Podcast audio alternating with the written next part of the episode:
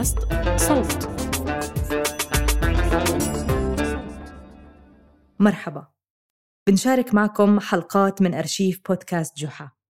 ترقبوا قصص جديدة من مغامرات جحا بداية العام القادم. وكل عام وأنتم بخير.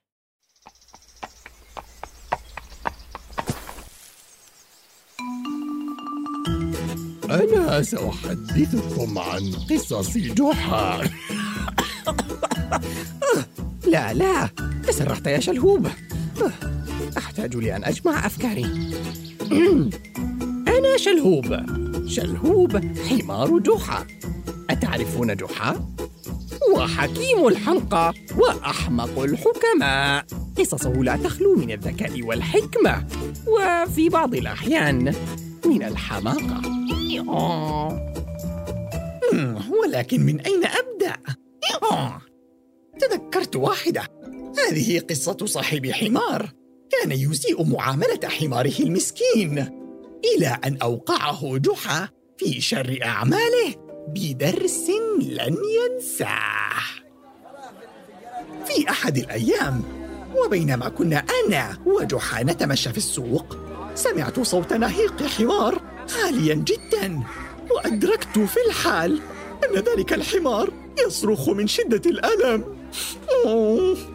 فهرعت نحو الصوت بأقصى سرعتي حتى إن جحا كاد يقع وهو يحاول أن يوقفني ولكني لم أقف إلى أن وصلت عند الحمار المسكين فرأيت صاحبه وهو يضربه ضربا مبرحا حتى إن الكدمات من آثار الضرب ظهرت على جسمه أوه.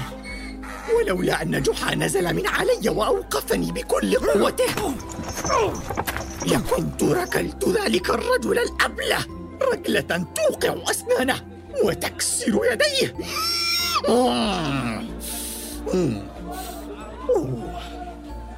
فبينما كنت أحاول أن أهدئ أعصابي سار جحا نحو المغفل. وقال له عفوا لكن لما تعذب حمارك هكذا؟ لأنه يرفض أن يتحرك من مكانه. ولكن ألا تظن أن الحمل الذي على ظهره قد يكون ثقيلا جدا؟ فلربما هذا الذي يمنع حركته. وما شأنك أنت؟ إنه حماري أنا ولي أن أفعل به ما أشاء. فاغرب عن وجهي. غربت عنك العافية أيها الوغد. آخ لو كان تركني جحا فقط. آه لكنت لقنته درسا مؤلما.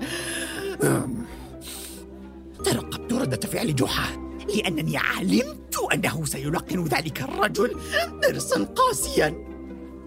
إلا أن جحا عبس وغادر دون أن يقول للرجل أي شيء ثم صار يتمشى حول السوق دون وجهة وهو صامت ومتفكر واضعا يده على ذقنه آه. لم أفهم ما كان به. حاولت أن ألفت انتباهه بالنداء عليه. آه آه آه. ولكنه تجاهلني تماما. يوحى وبقي على هذه الحال إلى أن خرج من السوق ومشى إلى شجرة قريبة وجلس تحت ظلها. مرت ساعة وهو جالس بصمت يتأمل وبدأت بالقلق.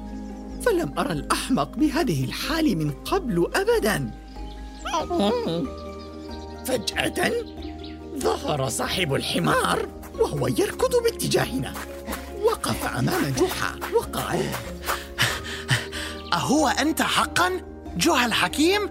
حال الألغاز ومنصف الناس؟ جحا عليك أن تساعدني. أساعدك يا هذا؟ أنت قلت لي أن أغرب عن وجهك لم أعلم من أنت عندما تحدثت إلي فأرجو أن تسامحني يا جحا إلا أني كنت غاضبا من حمار العنيد والذي ما إن غادرته حتى أوقع الحمل الذي كان على ظهره وفر هاربا بأقصى سرعة ولم أستطع اللحاق به والآن لا أدري أين ذهب. هرب حمارك. سامحني يا جحا. أرجوك سامحني وساعدني فأنا مزارع بسيط وأعتمد على حماري في كل أعمالي فهل لا ساعدتني؟ وحينها رأيت الابتسامة المألوفة ترتسم على وجه جحا وعلمت ماذا سيحصل بعدها حان وقت الدرس حسنا. سأساعدك بكل سرور ولكن لإيجاد حمارك عليك أن تقوم بكل ما أطلبه منك دون أن تسأل ودون أن تكل أو تمل. اتفقنا؟ اتفقنا. أنت تأمر وأنا أنفذ. المهم أن يعود لي حماري. وبدأ حماسي بالتزايد وأنا وجحا وصاحب الحمار. نسير للبحث عن الحمار الهارب. لكن جحا توقف فجأة وقال مالا؟ لقد نسينا حملك الذي أوقعه حمارك قبل أن يهرب. لا بد أن نذهب ونأخذه قبل أن يسرق. ياه لقد نسيت ذلك تماما. من حظنا أن حمارك أكبر حجما من حماري فبإمكانه حمله بسهولة. لا لا يا صديقي حماري لا يحمل سواي. فهذا عهد عاهدته إياه. لكن كيف لنا أن نأخذ الحمل إذا؟ كان بودي أن أساعدك لكني أعاني من ألم في ظهري منذ أسبوع وقد منعني الطبيب من حمل أي شيء فلا حل إلا أن تحمل الحمل بنفسك إلا إذا كان لا يهمك أن يسرق بالطبع ها؟ لا لا طبعا فهذه بضاعتي التي أتيت من بعيد لأبيعها هنا لا يمكنني تركها في الشارع هكذا ألا يمكن أن أودعها عندك إلى أن نجد حماري؟ بكل سرور لكن عليك حملها إلى أن نصل البيت وأنا أسكن بعيدا من هنا بعض الشيء. ورغم أن منزلنا كان بالفعل بعيدا بعض الشيء عن السوق إلا أن جحا اختار أن يسلك طريقا أطول هذه المرة. فمشينا أنا وهو والرجل يتبعنا حاملا البضاعة. ويا لفرحتي وأنا أشاهد ذلك الأحمق. وهو يعاني من الثقل ويترنح يمينا وشمالا محاولا استعادة وزنه. ثم تعمد جحا المرور فوق هضبة رملية مرتفعة وقع منها الرجل وبضاعته عدة مرات. عندما وصلنا القمة قال الرجل وهو يئن أما يزال بيتك بعيدا يا جحا. فقد تعبت جدا وكدت أموت من العطش. إلي ببعض الماء من فضلك. لقد اقتربنا من البيت بالفعل. لكن للأسف الماء الذي معي لا يكاد يكفيني أنا وحماري. لكن لا تقلق ففي أسفل هذه الهضبة بحيرة يمكنك أن تشرب منها. أشرب أنا من البحيرة وحماره يشرب من الماء النقي البارد.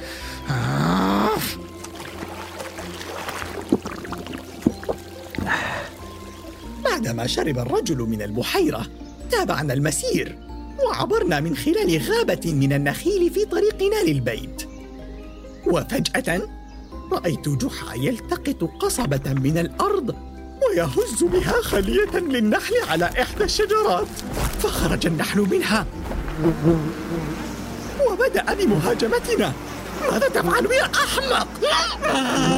هربت أنا عنهم كي لا يقرصني النحل ولكن جحا استغل الموقف وبدأ يضرب الرجل بالقصبة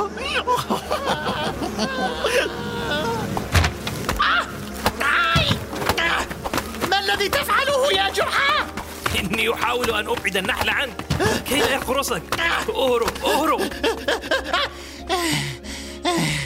آخ يا جحا لقد أوجعتني قصبتك آه. لا عليك يا صديقي فما هي إلا قصبة. فاحمد الله أنني وجدتها لأبعد عنك النحل. وإلا كنت اضطررت لإبعاده أنت بالعصا التي ضربت بها حمارك. آه نعم. هل اقتربنا من بيتك؟ نعم نعم. فها هو ذلك المنزل هناك.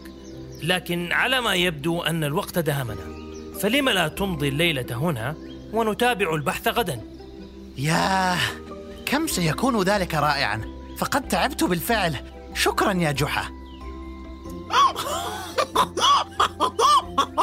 لم أستطع التوقف عن الضحك. لما فعله جحا بالقصبة. آه ولم أستطع الانتظار لأرى ما بقي في جعبته من الحيل. ثم وصلنا البيت. فقال جحا ها قد وصلنا. لكن عليك أن تعذرني. فليس عندي غرفة للمبيت إلا في الاسطبل. فضع بضاعتك هناك وسآتيك بشيء تأكله الآن. الإسطبل؟ مع الحيوانات؟ أه، ولكن ك- كيف ت... أرجو أن لا يكون عندك مانع. فعلى ما أذكر أنت قلت لي إنك ستفعل أي شيء دون ملل أو كلل لكي أساعدك في استرجاع حمارك. نعم نعم صحيح. لا ملل ولا كلل. حسنا سأنام في الإسطبل. عظيم. وهاك بعض الطعام والماء. ليس لدي آنية تكفي فعلي أن أضعهما لك في برميلين. فكل بالهناء والشفاء. وبالفعل. أكل الرجل طعامه في الاسطبل من براميل ونام على كومة من القش. كل ذلك والإدراك لم ينعم عليه بعد. وما إن أشرق الصباح حتى جاء جحا وأيقظه من نومه وقال صباح الخير. أرجو أن تكون قد استرحت. والآن هيا بنا إلى الحقل فلدينا الكثير من العمل. العمل؟ ولكن ماذا عن البحث عن حماري؟ سنتابع البحث لاحقا ولكن كما اتفقنا أمس لا سؤال ولا كلل ولا ملل لا كلل ولا ملل ماذا تريدني أن أفعل؟ احمل هذه الأدوات وقربة الماء وصرة الغداء وسأضع هذا الحبل حول عنقك أها ها؟ حبل؟ ولكن لما؟ لا أسئلة ولا كلل ولا ملل لا! لقد طفح الكيل! فحتى الحيوانات لا تحتمل كل هذا! أنا أساعدك لتجهز نفسك في حال لم تجد حمارك ستضطر حينها للقيام بهذا العمل بنفسك. فهيا ضع الحبل حول عنقك. لا! لا! وألف لا أنت شرير! أنت شرير! حماري! حماري!